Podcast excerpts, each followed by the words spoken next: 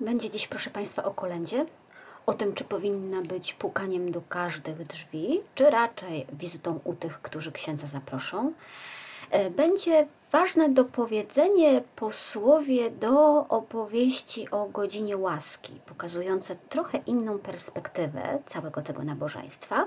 No i wreszcie hit, opowieść o wojnie mediów, czyli nasz dziennik wyzywa na pojedynek gościa niedzielnego w obronie czci i honoru Jana Pawła II. No ale zanim zaczniemy, to tradycyjne witanie tych, którzy są i sprawdzanie Państwa obecności. Ania Marzycielka na pierwszym miejscu, jak żeby inaczej ma stały abonament. Jadwiga Agata Dominik pisze, że jest z nami trzeci raz na żywo, bo zazwyczaj słucha w formie podcastu jadąc samochodem. Pozdrawia z Alaski. Dzisiaj ciepło, bo tylko 12 stopni. E, Panie Dominiku, po co? Czy po co żyć w takim miejscu, gdzie trzeba walczyć o przeżycie w mrozie? E, Podziwiam, nie zazdroszczę. Jagoda Monika, Michał z Łodzi, Angel, e, Dominik o, o tym braku kolęd na Alasce, tego się nie dziwię. Tomira mówi, że w Koszalinie taka sama temperatura jak na Alasce. Hmm, to też ciekawe. Aneta melduje, że mm, dzisiaj pierwszy raz w wycinkach na żywo. To ja bardzo lubię takich, którzy są pierwszy raz na żywo i bardzo, bardzo, bardzo serdecznie witam. E, I Teresa, i Maria też pierwszy raz na żywo. Jak cudnie. Tomira pisze, że minus 40 na Alasce to jednak przesada. Pani Tomiro, jak ja się z tym zgadzam. I Anna z Opola, i Marta, i Rafał z Bydgoszczy, i Małgorzata z Bydgoszczy, i tak szybciutko przelatuje jeszcze wszystkich innych, i dziekanów leśny się melduje, i Rafał, i Anna, i Damian, i Dominika. Ilu Was tutaj jest? Iwona prawie spóźniona, jeszcze nie, bo nie wystartowaliśmy, proszę Państwa. Dobra. Mm, y, Ogłoszenia króciutko przypominam. Y, Przedwigilia, czyli spotkanie w poniedziałek z księdzem y, Wojtkiem, redaktorem naczelnym przewodnika katolickiego, ale w tym przypadku po prostu księdzem, który też chodził na kolendę. Więc to, czego dzisiaj sobie nie powiemy, co będzie Państwu brakowało, co będą chcieli Państwo dopowiedzieć, zapytać, jak to wygląda z perspektywy księdza. Y, Łącznie z pytaniami o pieniądze, bo ja o tym nie potrafię Państwu opowiedzieć, na to wszystko będzie czas w poniedziałek, można sobie pytania już notować. Y, 22 w czwartek spotykamy się w bardzo nietypowym miejscu, to znaczy y, w klasztorze dominikanów w Łodzi na Zielonej. W ich kuchni ojciec Tomek Biłka mówi, że będzie robił sałatkę, a oprócz tego będziemy rozmawiali o tym, co to znaczy piękna liturgia mm, i czy to nie jest jakiś słowo wytrych, którego my używamy. Bo jak przejrzałam syntezy synodalne ze świata, to się trochę zdziwiłam. No i y, za ty, 29 grudnia w pierwsze święto się nie widzimy, a 29 grudnia coś, co Państwu się w ubiegłym roku bardzo spodobało ku mojemu zaskoczeniu, więc kontynuujmy, to znaczy hity i kity 2022 roku. Najbardziej mm, dające nadzieję i najbardziej nas rozwalające wydarzenia minionego roku. I jeszcze jedno, o sprawie Marko Rupnika będzie ciąg dalszy, proszę Państwa, ale najprawdopodobniej w wersji pisanej, y, najprawdopodobniej na portalu w więzi, bo dzisiaj ukazały się nowe informacje na ten temat, ale proszę, proszę nie wierzyć Deonowi, sprawa jest dużo bardziej skomplikowana.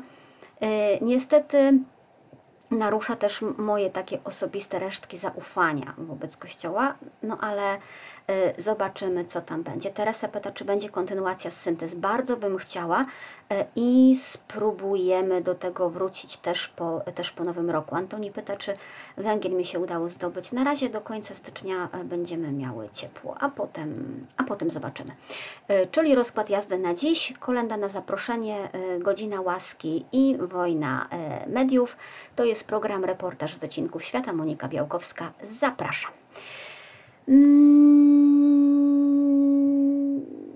Kolenda to jest temat, y, tu widzę, że są oczekiwania na, na syntezy. Ja też, ja też, to się poza tym bardzo fajnie mi robiło, ale, no ale sami Państwo wiedzą, że z tym trudno zostawić bieżące wydarzenia. Trzeba będzie. E, Czekam na to, że będzie sezon kolendowy i księża nie będą nic wielkiego e, robili i zajmą się tylko kolendą i wtedy będziemy mogli się zająć syntezami. E, kolenda to jest temat, który, który rozgrzewa. Mm, w najnowszym numerze przewodnika katolickiego też o tym piszę. Zapraszam oczywiście do poczytania. Tam jest trochę inaczej, trochę więcej i trochę, trochę szerzej niż w programie. Paweł się melduje, że orzeł wylądował. A gdzie pies, panie Pawle? A gdzie pies? Mm, ale muszę o tym temacie też sama pogadać, zanim będziemy rozmawiali z, z księdzem Wojtkiem, bo, e, bo ksiądz Damian Wyszkiewicz, którego Państwo znają, e, którego szanuję, który tu zagląda i którego pozdrawiam, e, wrzucił post, który wywołał sporo, sporo zamieszania. Udzielił potem też wywiadu. Ja najpierw ten post zacytuję. Niech parafie nie rezygnują z kolendy na rzecz zaproszeń. Moim zdaniem, pisze ksiądz Damian, kolenda na zaproszenie jest duszpasterskim walkowerem.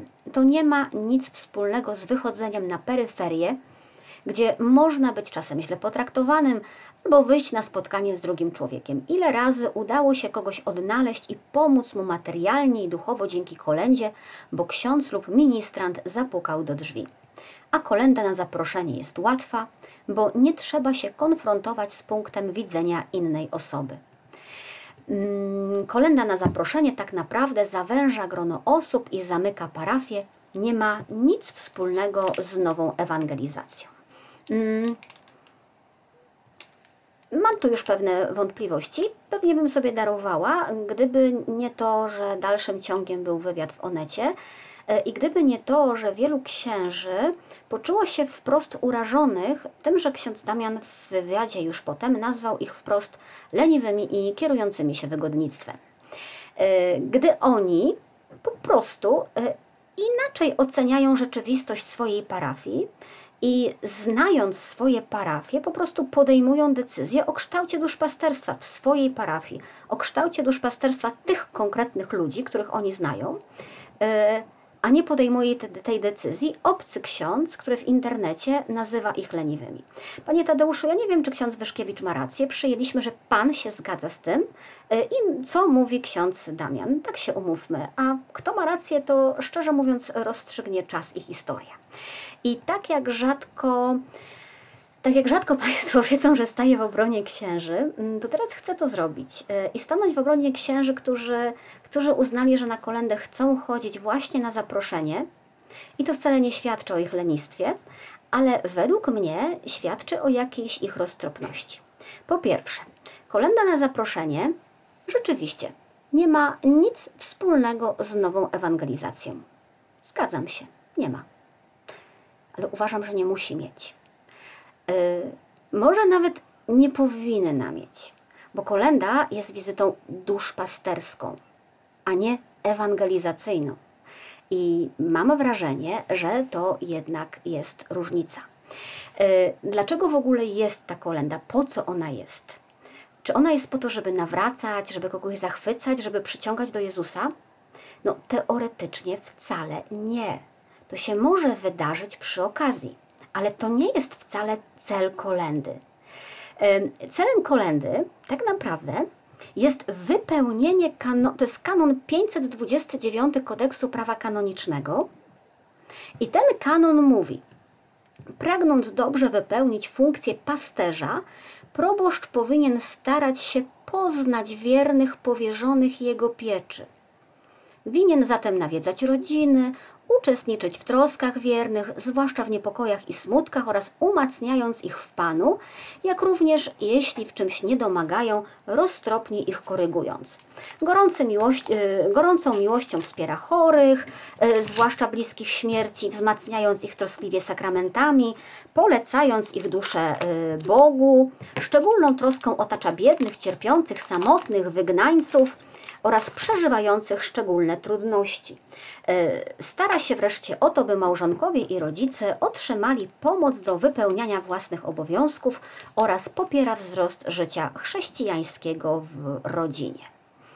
Mm, to nie chodzi zatem, wbrew temu, to tutaj niektórzy próbują już też przekonywać w komentarzach, w kolędzie, jak czytamy w kodeksie prawa kanonicznego, e, nie chodzi o przyprowadzanie kogoś do kościoła, ale chodzi o to, żeby się spotkać, żeby się poznać, żeby zbudować relacje taką, jakiej nie da się zbudować na mszy świętej. Żeby zbudować, żeby nie tylko razem się modlić, ale też razem usiąść ze sobą i żeby ze sobą porozmawiać. Żeby ksiądz, który potem mówi kazanie, albo ksiądz, który potem pisze ogłoszenia, wiedział do kogo mówi, żeby te twarze dla niego nie były, y, nie były anonimowe. Y, I nie można tego czasu y, lekceważyć. I nie można uznać, że jak ksiądz jest już zajęty tym łapaniem nowych czy zagubionych, to może zapomnieć o tych, którzy są blisko. Bo ci, którzy są blisko, są też powierzeni jego opiece. I ten konkretny czas y, jest przede wszystkim dla tych bliskich, dla tych parafian, którzy wydają się oczywiści, którzy są co niedzielę na mszy świętej, którzy są co niedzielę w kościele i on jest po to, żeby nie tylko ich widzieć, on jest po to, żeby nawiązać z nimi więź, że tak się buduje parafialną wspólnotę, y, tak się buduje też zaufanie do księdza. I to będzie ośmielało ludzi, czy powinno ośmielać ludzi, tak? Taki osobisty kontakt do tego, żeby mieli odwagę zabierać głos. Y, I te spotkania są potrzebne i tych ludzi nie można zlekceważyć. Y, no i powinien być na to czas, a nam się niestety już trochę y, pochrzaniło i traktujemy to, znaczy pochrzaniło nam się to, co jest duszpasterstwem, a co jest ewangelizacją. I efekt jest taki, że E, chcielibyśmy mieć dwa w jednym, a ostatecznie nie mamy ani duszpasterstwa, no bo w 7 minut na rok to się tego nie zrobi, e, ani ewangelizacji nie mamy, bo trudno jest ewangelizować komu, kogoś, kto zatrzaskuje nam drzwi przed, przed drzwiami. No, no nie jesteśmy świadkami Jehowy, naprawdę, no, no nie. W kolędzie, czy w tej wizycie duszpasterskiej, w tym wymogu kodeksu prawa kanonicznego, który wypełniamy u nas przez kolędę, chodzi tylko o to, żeby proboszcz znał swoich parafian i był z nimi w relacji, żeby ich rozumiał przede wszystkim. A jeżeli ktoś się nie identyfikuje jako parafianin, jeżeli dzisiaj kontaktu z księdzem nie chce mieć, to oczywiście, że trzeba go szukać, tak? E, I trzeba znaleźć na to czas oddzielny, e, a nie zabierać tego czasu tym, którzy są w kościele i oni tego spotkania z księdzem też, e, też potrzebują. Cytuję, takie podejście wynika wyłącznie z wygodnictwa księży. To nie ma nic wspólnego z dobrem wiernych. Jestem księdzem od 10 lat, pisze ksiądz Damian, i co roku słyszę te same wymówki a pandemia była tylko takim usprawiedliwieniem, przykrywką, żeby nie podejmować wysiłku. Nie twierdzę, że chodzenie od domu do domu nie jest męczące dla księdza, pełna zgoda, ale jeżeli moja mama kilkukrotnie w ciągu roku wyjeżdża do pracy do Niemiec i potrafi po kilkanaście godzin dziennie pracować przy zbiorach owoców, to naprawdę dla nas księży wizyty u parafian nie są wysiłkiem ponad możliwości.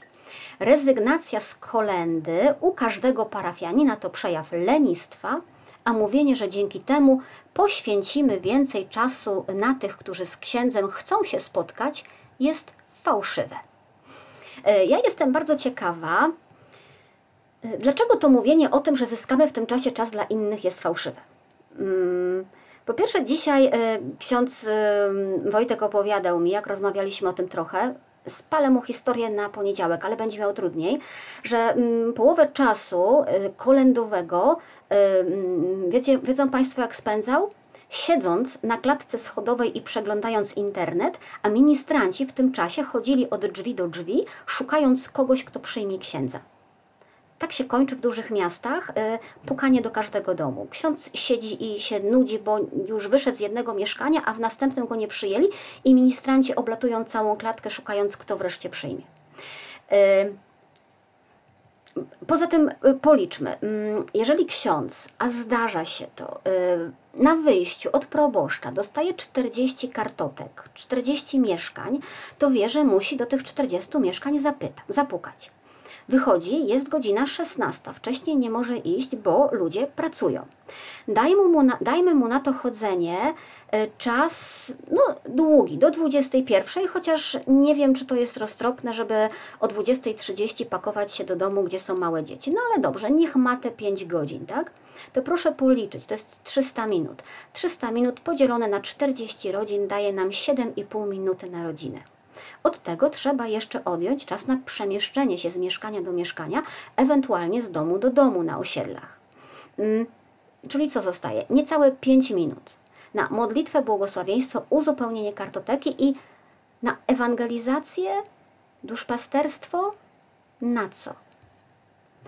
E, I nawet, e, nawet jeżeli to nie będzie 40, a 20 rodzin dziennie, to nadal to jest kwadrans na rodzinę, od którego odejmujemy czas na e, przejście, dojście, błogosławieństwo, modlitwę, kartotekę. Zostaje nam 10 minut na rozmowę. I no rzeczywiście, to jest czas, w którym można poznać człowieka.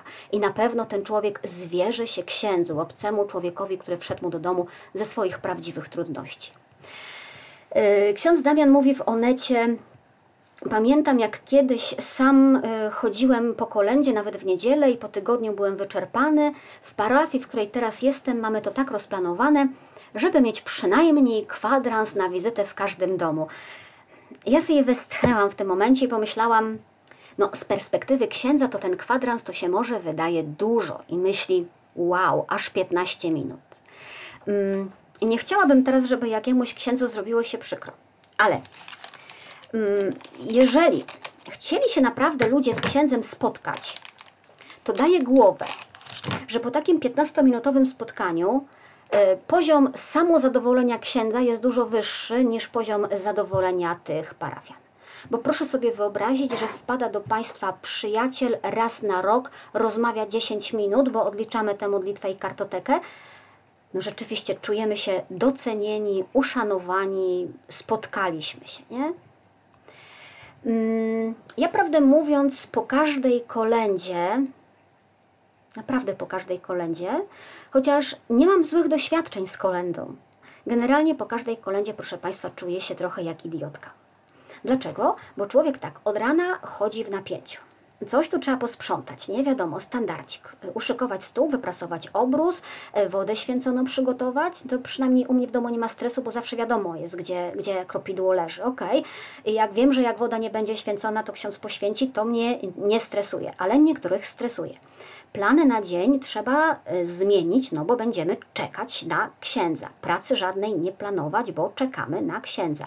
Ubrać się jakoś przyzwoicie, a nie domowy dresik. E, pomyśleć, czy jakieś ciacho przygotować, żeby się dało na szybko, bez wielkiego rozkładania. Potem wieczorem, jak już jest ten czas, że mniej więcej, to się co chwilę wodę w czajniku podgrzewa, nie? żeby była gorąca i w razie czego, żeby tę herbatę podać w pół minuty, a nie w cztery minuty. No i trzeba pomyśleć, gdzie tych ministrantów posadzić, bo zwykle ksiądz nie chce, żeby oni byli przy rozmowie, ale na dwór ich na mróz nie wyrzucę i jakiś batonik trzeba kupić, bo e, żeby nie musieli, tak jak mój brat kiedyś w obcych domach z parapetów e, rzeżuchy zżerać z głodu. Mm, no i potem jest to wyglądanie przez okno, gdzie ten ksiądz jest, czy u sąsiadów, czy jeszcze nie i sprawdzanie, czy nie stoi pod bramą, bo na bramie jest dzwonek e, radiowy, więc zdarza mu się, że nie działa. No i potem ten ksiądz przychodzi, no i w zasadzie nic, odfajkowuje formalności i wychodzi. I po tym kwadransie nawet człowiek myśli, serio? Przecież ja de facto poświęciłam na to cały dzień, tak? Cały ten dzień był pod znakiem kolendy. To nie jest 15 minut wpadnij. I to wszystko dla tych kilku minut.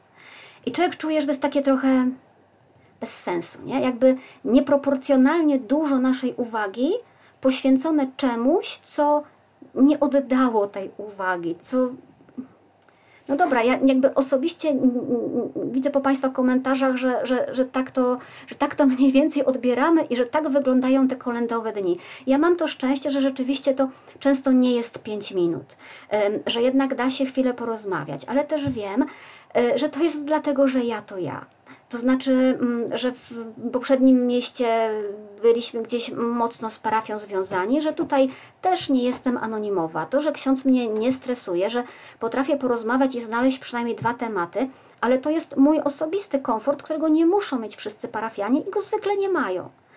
Co więcej, y, wiem, że to nie jest wina księdza, że on tak ma mało czasu że on też jest trochę ofiarą tego systemu kolędowego, w którym utknęliśmy i wydaje nam się, że jak z tego zrezygnujemy, to się posypie świat.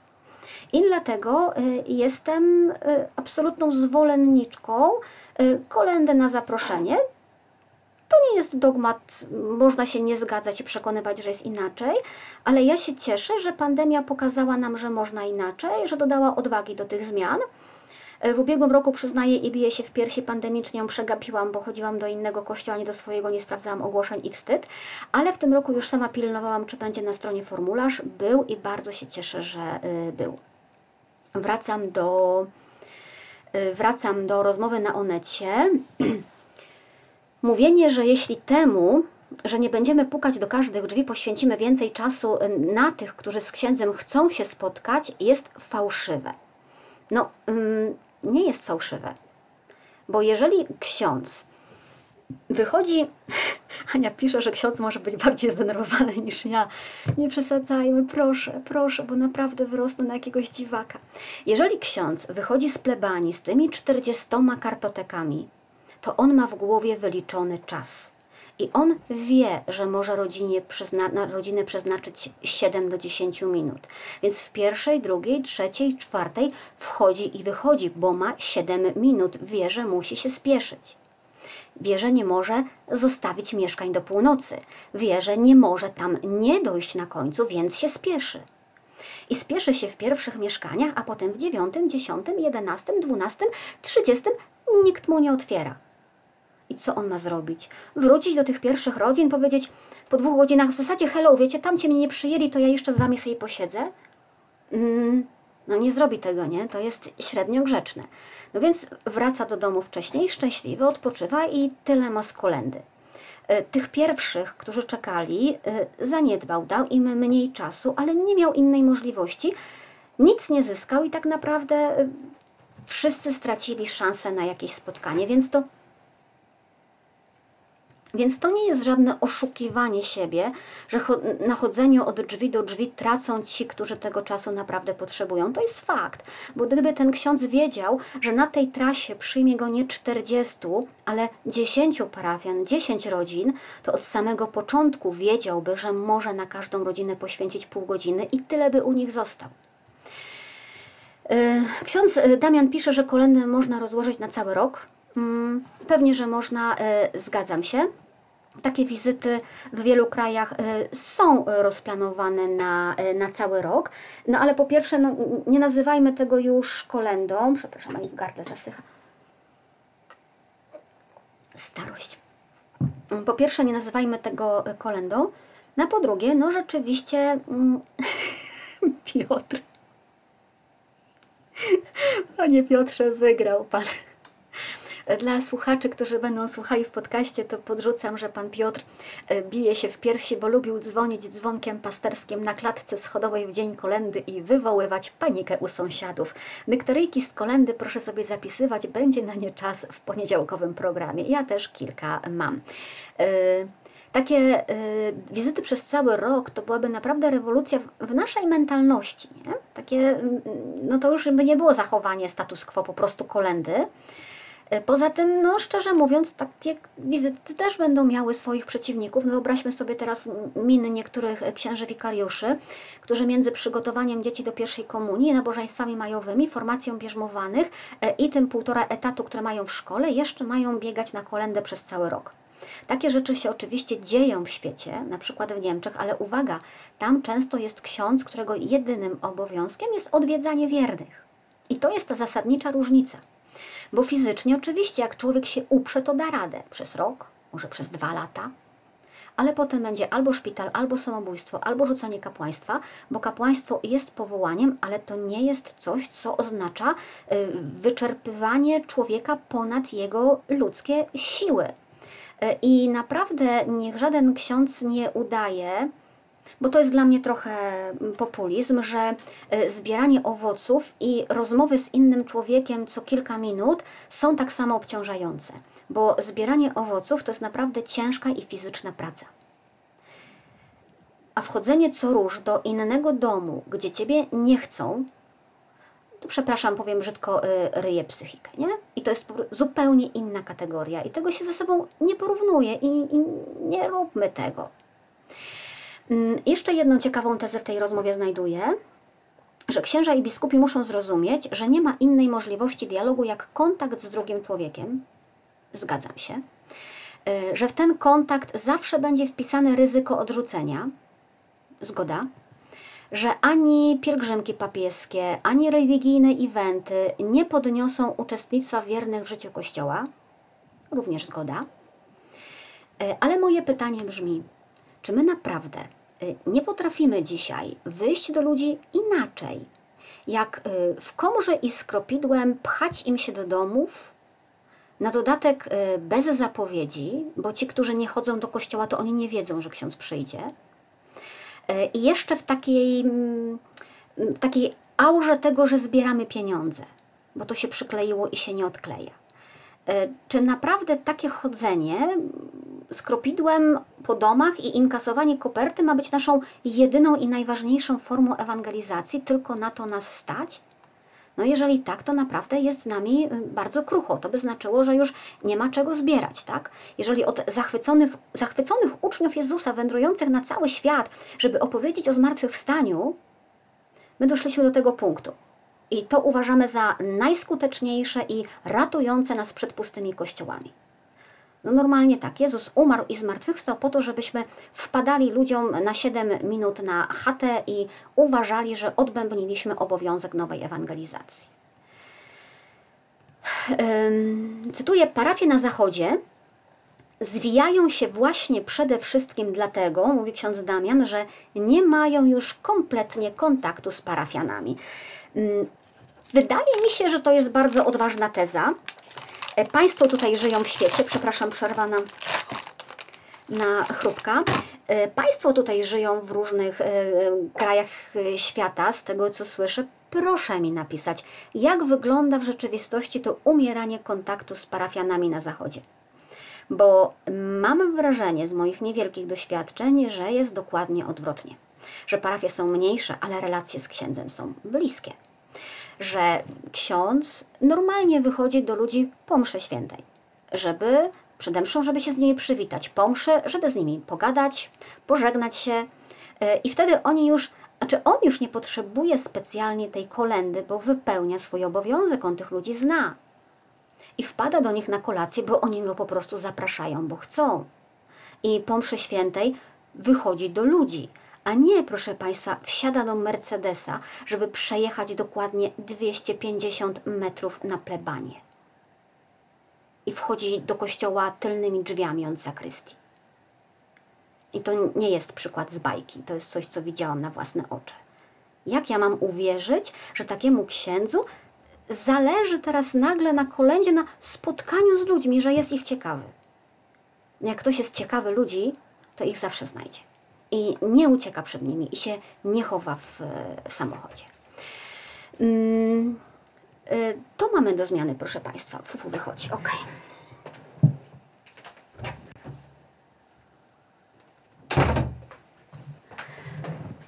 Uważam, y, uważam, że to mamy do zmiany, to znaczy do zmiany mamy. Coś mi straciło ostrość? E, do zmiany mamy serca, tak? To znaczy, żeby one naprawdę chciały spotykać ludzi, żeby były naprawdę tych ludzi ciekawe.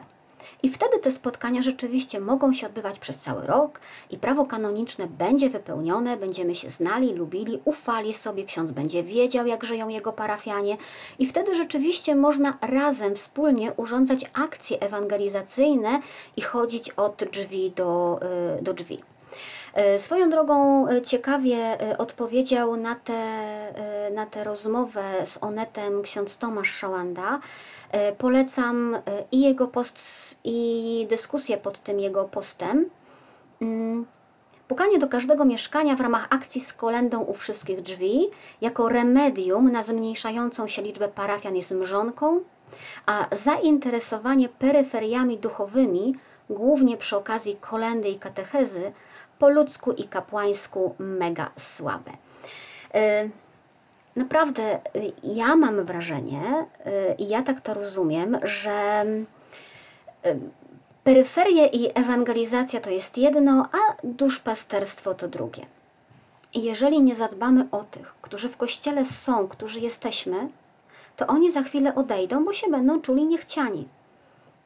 A jeżeli zostaną, jeżeli nie damy im antyświadectwa, jeżeli się będą czuli przygarnięci, zrozumiani, kochani, to za chwilę oni będą świadkami, że Kościół jest dobrym miejscem. I wiedzą Państwo, co się stanie? To oni wtedy pójdą na te peryferie.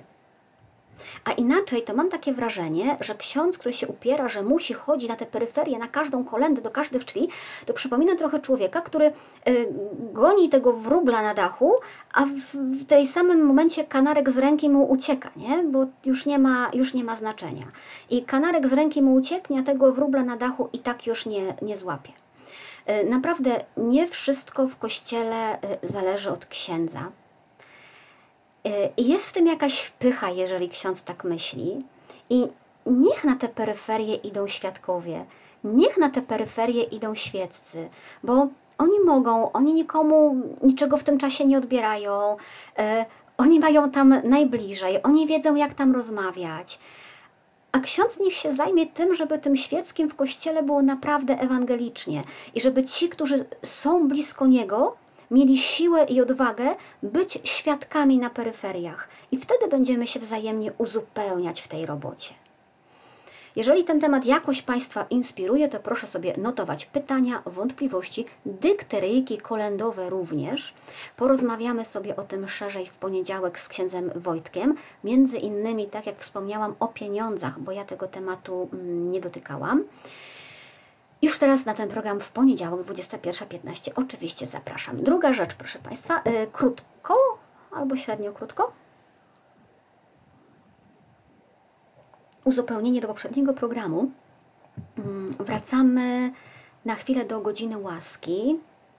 Y, ktoś mi w komentarzu zaproponował gdzieś na YouTubie y, debatę z człowiekiem, który uważa, że y, objawienia w Montichiari są prawdziwe. Mm, jakby to powiedzieć, proszę Państwa? No jeżeli biskup 50 lat temu orzekł po badaniach, więc zakładam, że ma dostęp do pełnej wiedzy, a ja jej nie mam. I biskup orzekł, że te objawienia nie mają charakteru nadprzyrodzonego. Jeżeli powtórzył to kolejny biskup 20 lat temu, jeżeli powtarza to kolejny biskup miesiąc temu, to ja naprawdę nie wiem, o czym ja miałabym dyskutować. Ta sprawa jest po prostu od pół wieku zamknięta i nie ma o czym y, mówić. Ale wracam do tego, że, dlatego że zainteresowała mnie informacja od y, pani Marii. Pani Maria pisze, że mieszka w Borgo Satollo na północy Włoch. Y, to jest zresztą miejsce, z którego pochodził Paweł VI. I stamtąd do Montichiari dojeżdża się samochodem w 20 minut. No i pani Maria już przed wyjazdem do Włoch, zanim tam zamieszkała, o godzinie łaski słyszała, no więc kojarzyła, że to jest ta okolica i postanowiła zajrzeć do y, Montichiari. Y, pisze tak. Sama nie wierzyłam w to, co się ukazało moim oczom po przedarciu się przez urokliwe polne drogi między gospodarstwami.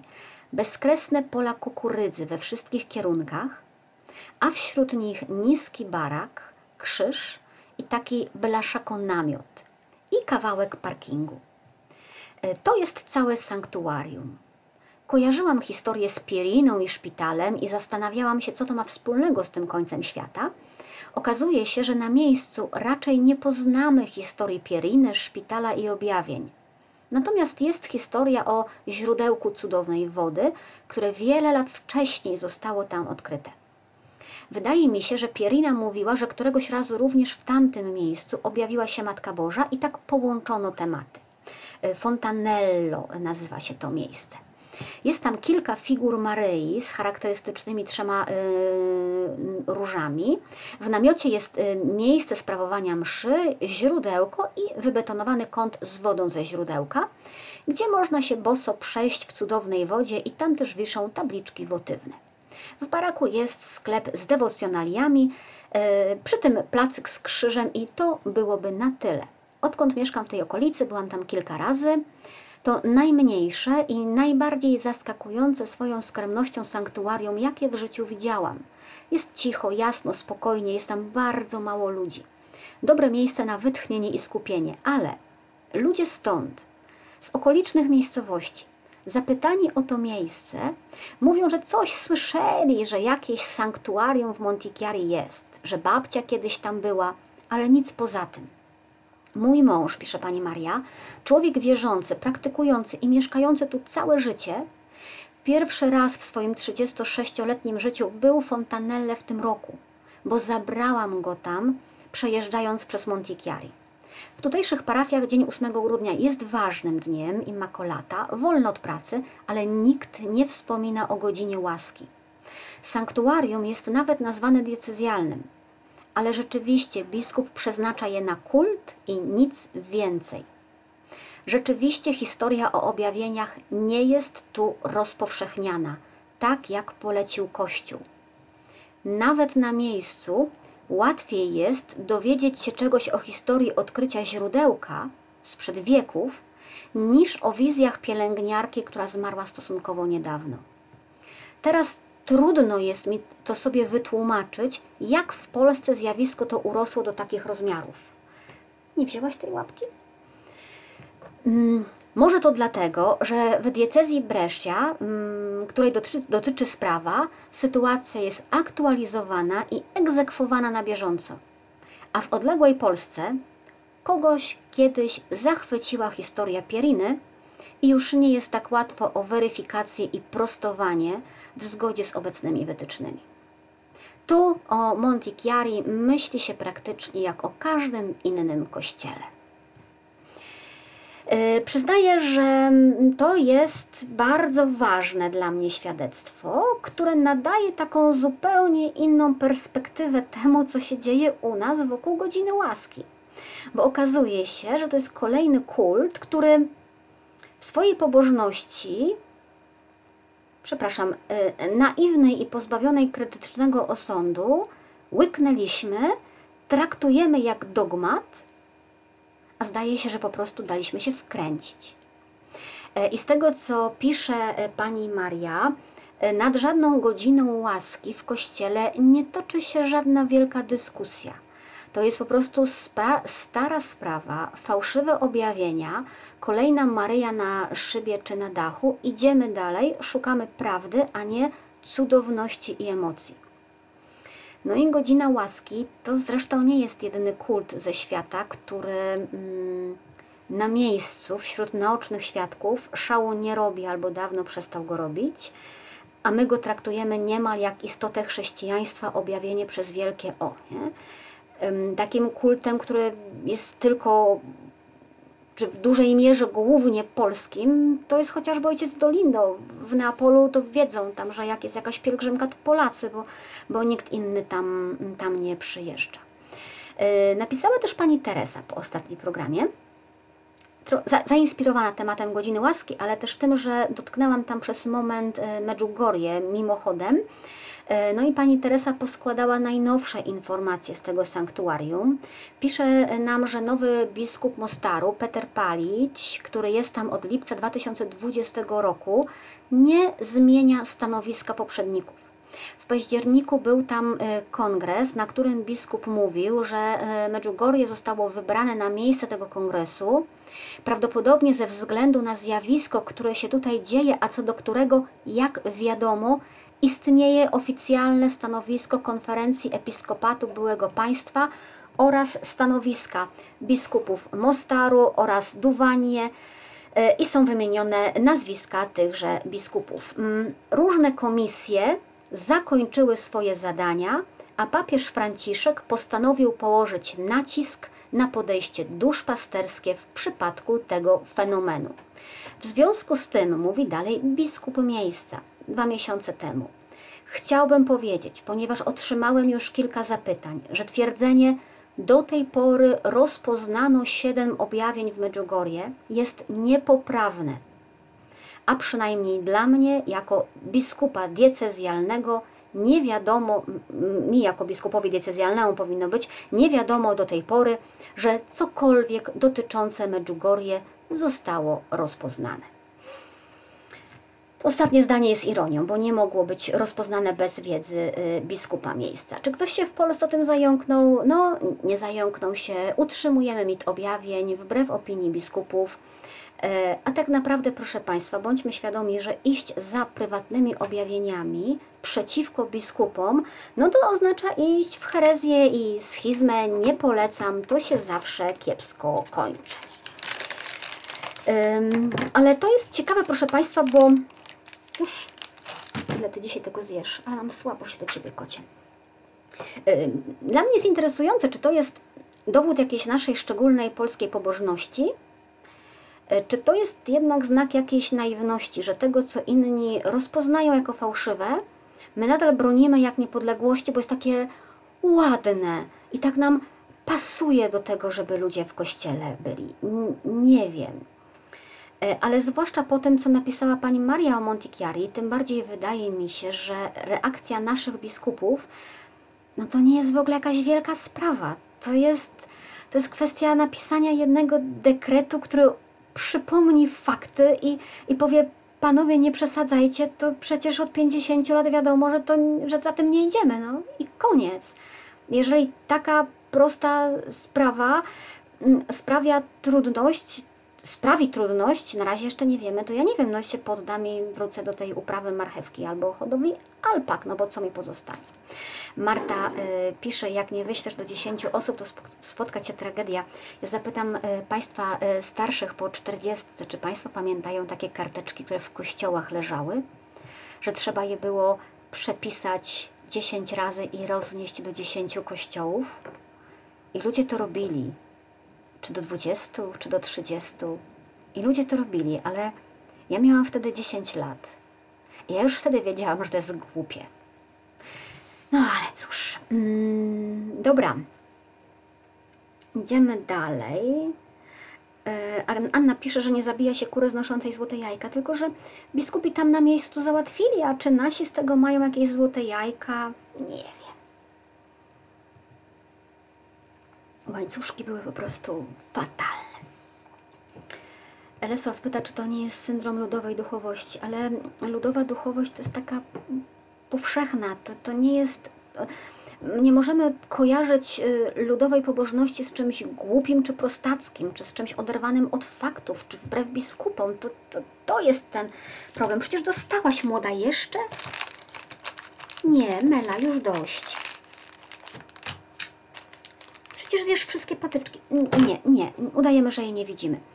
Mm, I trzecia rzecz dzisiaj, e, jak rozmawiać o Janie Pawle II, albo raczej jak e, nie rozmawiać o Janie Pawle II na przykładzie, tadam, naszego dziennika. Mm, słyszeli Państwo, e, na pewno wspominaliśmy, a Pani Maria pisze biura podróży, lubią to. O właśnie, może to jest spisek biur podróży, proszę Państwa. Wspominałam tutaj kilka programów temu o sprawie no nie mogę, no muszę jej dać, bo ona przychodzi z taką nadzieją. Czy nie mają Państwo wrażenia, że nic tak nie uczy człowieka modlitwy, takiej ufnej i z przekonaniem, że Bóg nas nie zostawi, że musi dać to, o co prosimy, jak kot, który się czegoś domaga. On nie ma wgranej opcji, że może nie być wysłuchany. Przecież człowiek jest po to, żeby się nim opiekować. Nie to jak może nie dostać. E, Przemysław pisze, czy arcybiskup Hozer tam coś znalazł. Arcybiskup Hozer jechał tam po to, żeby zobaczyć, czy kult, który tam jest sprawowany, czy ta pobożność, która tam jest, jest zdrowa. Czyli czy to miejsce można ogłosić sanktuarium. To jest ta druga część. To nie jest badanie prawdziwości objawień, tylko kultu. I to też kiedyś sobie mm, tłumaczyliśmy. Mówiliśmy o Chodzi o sprawę księdza Surgenta, e, o sprawę opisaną przez e, Tomasza Krzyżaka i Pawła e, Litkę w Rzeczpospolitej. Rzecz się działa na, na terenie archidiecezji krakowskiej, gdzie kardynałem był wówczas Karol Wojtyła. On o tej sprawie całej wiedział, więc pojawiały się pytania o jego reakcję. Przy czym podkreślam, autorzy tekstów Rzeczpospolitej wyraźnie podkreślają, że Karol Wojtyła zachowywał się wówczas zgodnie ze swoimi kompetencjami a ksiądz, który na terenie jego diecezji krzywdził chłopców, podlegał władzy innego biskupa, biskupa diecezji e, lubaczowskiej. Tomasz, e, Tomasz Krzyżak e, mówił tak. e, Kardynał Wojtyła z pewnością postępował zgodnie z obowiązującym wówczas prawem. Ale wydaje mi się, że zabrakło pewnego wyczucia, gdy w 71 roku księdza Surgenta skierowano do parafii Milówka z oddelegowaniem do kaplicy filialnej w Kiczorze na tak zwaną samodzielną placówkę duszpasterską. Z dokumentów z późniejszych lat wiemy, że ksiądz Surgent dopuszczał się wykorzystywania seksualnego szczególnie tam, gdzie pracował sam, y, nie miał kolegi za ścianą, żadnej kontroli w pobliżu. Ale Pani Tomira słusznie prawi. Y, Tomasz Krzyżak, proszę Państwa, udzielił wywiadu gościowi niedzielnemu. Mela, nie ma, to jest moja szczotka, nie ma więcej. Zjadłaś sześć patyczków. Sześć, kochana. Dziękuję. Chyba kolacji zapomniałam Ci dać, to dlatego. Y, I zaczęła się jazda. Przepraszam, że tak kolokwialnie, tego się nie da inaczej nazwać. Bo wtedy na rozmowę w gościu niedzielnym y, zareagował nie kto inny, ale nasz dziennik. I nasz dziennik oskarżył gościa niedzielnego o to, że przyłączył się do ataków na Jana Pawła II. Zostawmy samego gościa. Żeby konkurencji nie robić reklamy, polecam lekturę przewodnika katolickiego księdza Adama Pozdrawiam. Y, Zatrzymajmy się na kuriozalnych sformułowaniach, których używa nasz dziennik. Cytuję. Ataki na świętego Jana Pawła II wzmagają się. Każdy z nas musi się teraz opowiedzieć, czy broni Kościoła, czy staje przeciwko niemu, atakując Ojca Świętego. Proszę Państwa, nieskromnie powiem, y, mam 45 lat, doktorat z teologii i nie wiedziałam, że Jan Paweł II to Kościół. Y, I nie wiedziałam, że bez niego Kościół się zawali. Jakoś naiwnie byłam przekonana, że chodzi tu jednak o Jezusa, a tu się nagle okazuje, że atak na Jana Pawła II to atak na Kościół. Mm, niekoniecznie. To jest przykład bardzo uproszczonego pojmowania rzeczywistości. Świat jest bardziej skomplikowany. Tu jeszcze mamy do powiedzenia, że rzekome zaniedbania i że jest to przekaz mający zatruć serca wiernych. Zatem, proszę Państwa, jeżeli macie wątpliwości, jeżeli zadajecie pytania, jeżeli domagacie się jasnych odpowiedzi na swoje pytania i chcecie znać prawdę, yy, i chcecie mieć pewność, że to, w co wierzycie, jest prawdą, a nie kitem, który nam ktoś wciska, to jest dowód na to, że macie zatrute serca. Proszę wziąć pigułkę i uwierzyć na słowo, że nic złego się nie działo, chociaż, bo my wiemy, że się nie działo, więc ufaj. Y, Druga, y, druga kwestia to jest słowo atak, które się tu pojawia i jego interpretacja. Mamy tutaj wypowiedź biskupa Deca, przypomnę z tej plejady, y, która jeszcze jeździ na urodziny Radia Maryja. Cytuję: Papież Jan Paweł II jest święty. Został ogłoszony oficjalnie świętym po procesie kanonizacyjnym, zatwierdzonym przez Stolicę Apostolską. Wszelkie dzisiejsze insynuacje i rozważania, że na jakimś etapie życia mógł podejmować decyzje błędne, to próba zasiania wątpliwości wśród wiernych. Sugerowanie zaniedbań w postępowaniu ówczesnego metropolity krakowskiego, a dziś świętego, wpisuje się w ataki na Kościół i próbę podważenia wiary w naszym narodzie. Mm, Ja bardzo długo ufałam i przekonana i przekonywałam innych, że e, proces beatyfikacyjny i kanonizacyjny to jest taki proces, w którym Kościołowi naprawdę zależy na poznaniu całej prawdy żeby nie było potem wtopy po latach, kiedy wyjdą jakieś wiadomości. Ufałam i mówię świadomie w czasie przeszłym.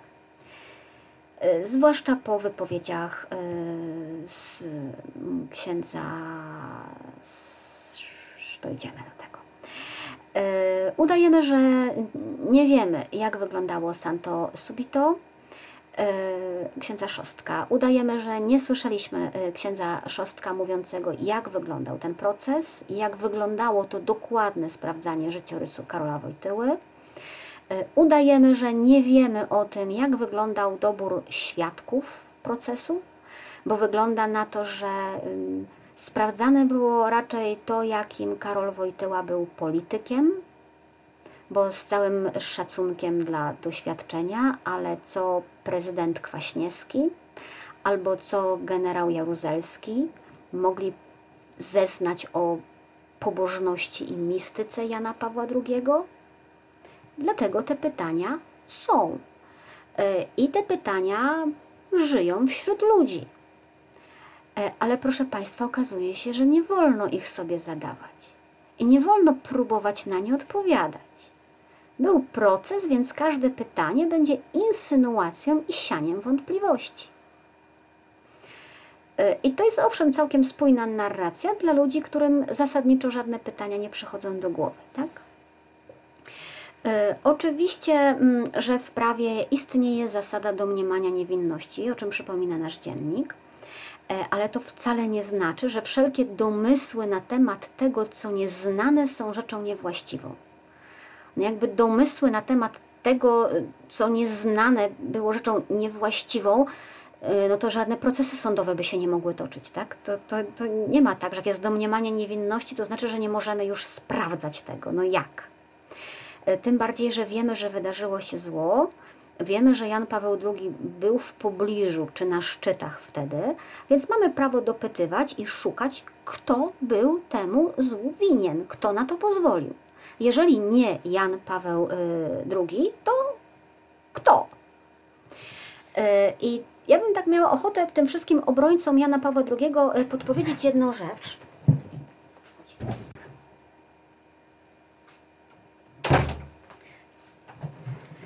To jest taki mój patent, on nie jest bardzo odkrywczy, proszę Państwa, ale podpowiadam, najlepszą robotę zrobicie, jeżeli wskażecie winnego.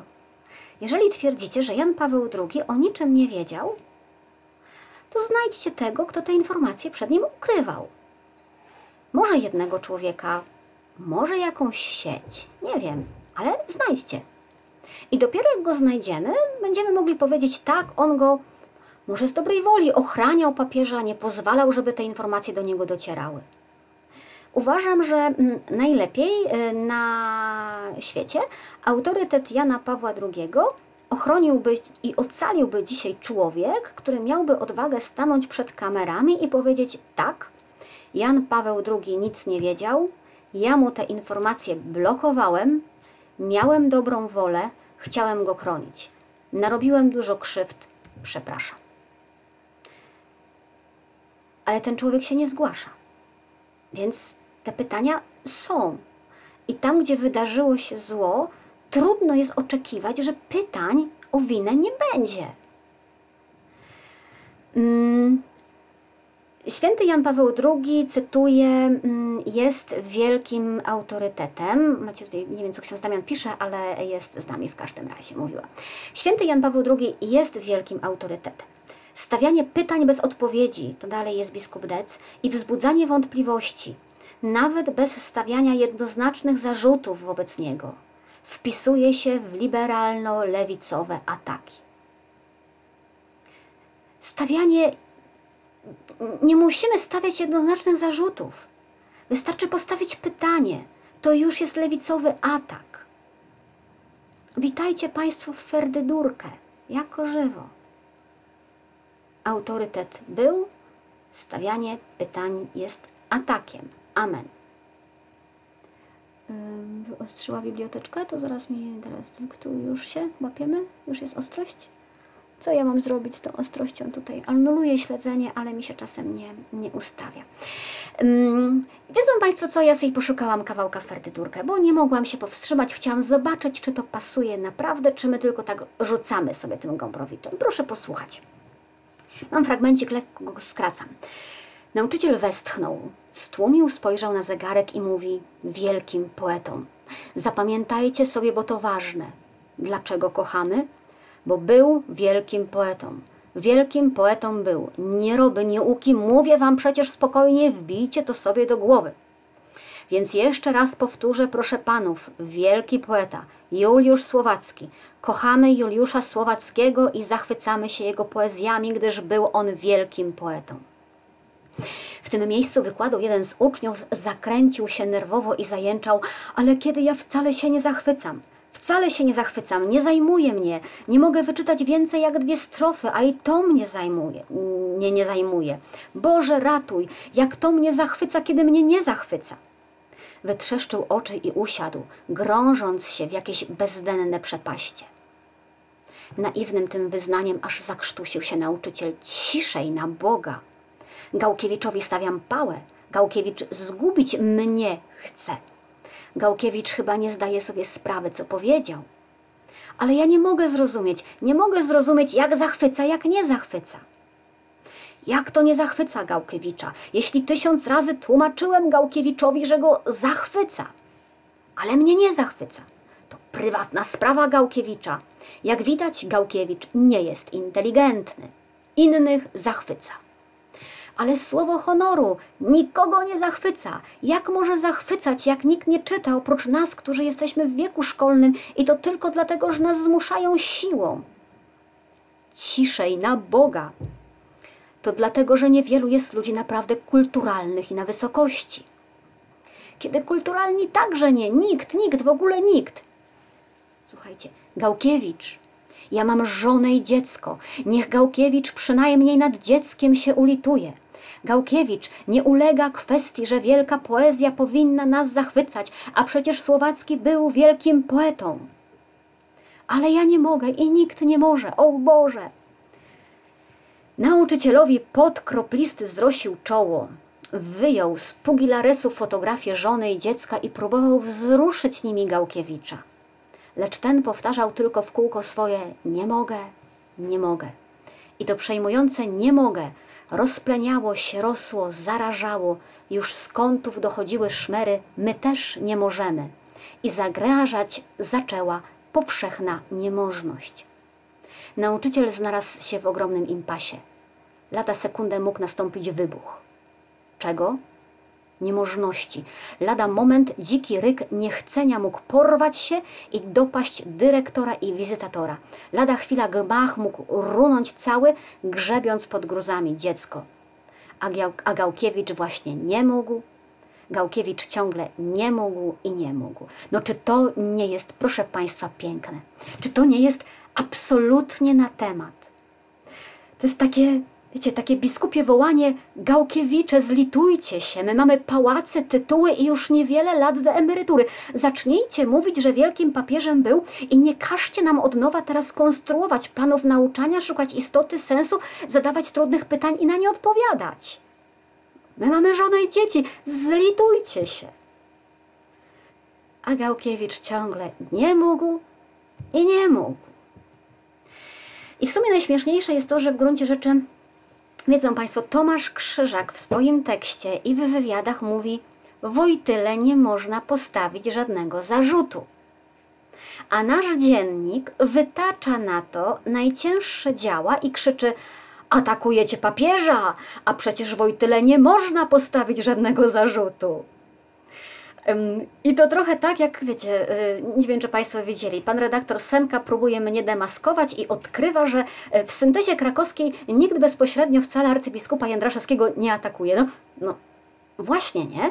Na tym polegał dowcip całej tej sytuacji i tej syntezy, że nikt nikogo nie atakował. E, potem w ogóle robi się w naszym dzienniku zabawnie, bo z jednej strony mamy mowę o tym, że nie ma argumentów na oskarżenie kardynała Wojtyły. Jak Tomasz Krzyżak sięga po dokumenty z IPN-u, to mamy oburzenie, że dokumentom z IPN-u nie można ufać, czyli cokolwiek na niego znajdziecie, powiemy, że dowód jest niewiarygodny. W zasadzie jedynym wiarygodnym dowodem winy byłoby to, że Jan Paweł II, przepraszam, wstałby z grobu i opowiedział nam, jak to było, tak? Jasno, wprost i bez filozofii. No, wygodna argumentacja, no ale ona się, e, ona się nie stanie. I jeszcze jeden cytat kwiatek, proszę Państwa we wszystkich decyzjach, jakie podejmował, miał na względzie dobro ludzi, osób wierzących, a więc dobro Kościoła. I tu chyba mamy oś sporu. Bo ktoś tu wyraźnie nie przyjmuje do wiadomości, że są takie sytuacje, kiedy dobro człowieka i dobro Kościoła, przynajmniej tego widzialnego na ziemi, nie zawsze idą w parze. A są sytuacje, w których są sobie przeciwstawne. I co wtedy? Jan Paweł II, śmiem twierdzić, rzeczywiście, e, mimo tego, że myślał dobrze i dobrze pisał, wystarczy przeczytać Redemptor Hominis, mm, ale on w praktyce wybierał dobro Kościoła. I w tym jest cały problem, że głęboko wierzył i w sumie nie był przekonany, że tak trzeba. A tutaj mamy dobro ludzi, a więc dobro Kościoła. To tak nie działa. E, cały bukiecik kwiatków będzie, bo jest jeszcze jeden, e, znów biskup Ignacy Dec. E, tego rodzaju rozważania nie powinny się ukazywać w piśmie katolickim. Prasa katolicka ma za zadanie umacniać wiarę, a nie wzbudzać wątpliwości. Biskup Ignacy Dec. Ładna definicja. Tylko, że nie dziennikarstwa, tylko katechezy, tak? E, dziennikarstwo jest dzisiaj zupełnie inne. To mądre i dobre dziennikarstwo stoi po stronie człowieka, słyszy pytania, jakie zadaje człowiek i próbuje temu człowiekowi pomóc znaleźć odpowiedzi na te pytania. Umacnianie przekonań to nie jest dziennikarstwo, to jest propaganda. I owszem, można próbować jeszcze w ten sposób mówić do ludzi, można ich przekonywać, ale ja uprzejmie w imieniu wszystkich dziennikarzy proszę, żeby tego dziennikarstwem nie nazywać. E, cytuję, kupując tygodnik katolicki, oczekuję, że dostanę argumenty do obrony świętego Jana Pawła II przed nieuzasadnionymi napaściami w mediach przeciwnych Kościołowi, twierdzi profesor Janusz e, Kawecki. No, ja również tego oczekuję. Tylko proszę księdza, nasz dziennik tych argumentów też nie daje. Nie odpowiada na żadne pytania. E, my z tymi pseudoargumentami e, rodem z Gombrowicza nie mamy dokąd iść. My nie jesteśmy w stanie nikogo przekonać. E, te argumenty są takimi argumentami ad intra, takimi argumentami dla utwierdzania przekonanych, ale nic poza tym. Pachną Gombrowiczem właśnie. Mm, dobre jest też to, 22.16, no ale nic. E, proszę posłuchać, bo e, cały tekst zasadniczo jest apologią Jana Pawła II, ale no, nasz dziennik się nie mógł powstrzymać. Tomasz Krzyżak jest dziennikarzem Rzeczpospolitej, gdzie przedstawia się go, go jako publicystę, redaktora interesującego się historią Kościoła w Polsce. Warto przypomnieć, że pismo to należy do spółki Gremi Media SA, której jednym z właścicieli jest Grzegorz Hajdarowicz. W 2021 roku 40% udziałów w Gremi kupił holenderski fundusz Pluralis. Jak informował portal bizneswprost.pl, Pluralis wchodzi w skład funduszu wspieranego przez milionera George'a Sorosa. Łączą Państwo wątki? Tomasz Krzyżak bierze kasę od Sorosa, który niszczy Polskę. Dlatego Tomasz Krzyżak e, atakuje papieża, a gość niedzielny mu w tym pomaga. Mamy dalej o tym, że się odbył proces beatyfikacyjny, o tym jak on wyglądał, y, mówił ksiądz y, profesor Szostek. Y, może więc po prostu darujmy sobie już argumenty, znaczy przywoływanie tego argumentu z procesu, bo tylko się kompromitujemy. Nie mam wrażenia, że trzeba ciszej nad tą trumną, żeby szybko zapomnieć, jak proces beatyfikacyjny może czy nie może wyglądać. Wtedy znów uwierzę, że rzeczywiście jest starannym, takim dogłębnym sprawdzaniem czyjegoś życia a nie jest takim wypełnianiem dokumentów, byleby delikwent trafił na ołtarze. Na razie wierzyć właśnie w to jest mi y, najtrudniej. I na końcu jest, proszę Państwa, o diable, jak to on się posługuje nieświadomymi ludźmi, którzy pytają o Jana Pawła II. Nie wiem, czy to wyznanie wiary. Boga, Jezusa, Ewangelii i miłości w tym tekście nie było, sprawdziłam. Był za to Jan Paweł II i był diabeł. To jest takie charakterystyczne dla dużej części polskiej y, duchowości. Dwa, y, dwa bieguny. E, proszę Państwa, nie bójmy się pytać, dobra? Po to Pan Bóg dał nam rozum, żebyśmy się nikomu nie dali prowadzić bezwolnie. E, I ja to zawsze wyznaję takie moje osobiste przekonanie, to znów nie jest dogmat, że jeżeli e, ktoś by nas z zasłoniętymi oczami w ciemno doprowadził do Boga, to może być tak, że On nas na tym sądzie ostatecznym nie pozna bo On chce, żebyśmy Go szukali, wybierali, kochali, nawet w trudnościach, a nie żebyśmy byli y, zakładnikami, niewolnikami najzacniejszych nawet idei. I nawet jeżeli czasem się rozbijamy o jakiś mur dogmatów w tych poszukiwaniach, chociaż myślę, że, że rozmowa z Magdą Józik pokazała Państwu, że te dogmaty to nie tak e, strasznie, ani nie takie e, duże i wcale nie mamy ochoty dyskutować z ich treścią, ale, ale pytanie o Jana Pawła II to nie jest zamach na dogmat. Co więcej,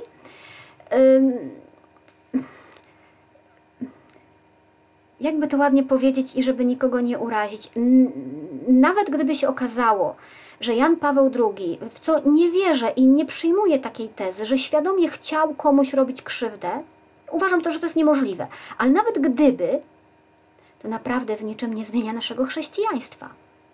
A jeżeli komuś to rozbija wiarę w Jezusa, no to powinien mocno przemyśleć to, czy naprawdę wierzy w Boga, czy uprawia pogaństwo z bożkiem w białej sutannie, którego sobie postawił na, e, na ołtarzyku. E, Panie Lesławie, pod listę płac najwyżej, ale też nie sądzę. Dobra, proszę Państwa, e, podrzucam Państwu link do Patronite'a, kto chce dołączyć, kto chce dołączyć do najlepszego grona patronów na świecie, którzy czasem wiedzą coś prędzej, a czasem wiedzą lepiej, a czasem podyskutują po programie, to zapraszam. E, lajki, subskrypcje, udostępnienia, cóż tam można podrzucić, żeby to szło dalej w świat.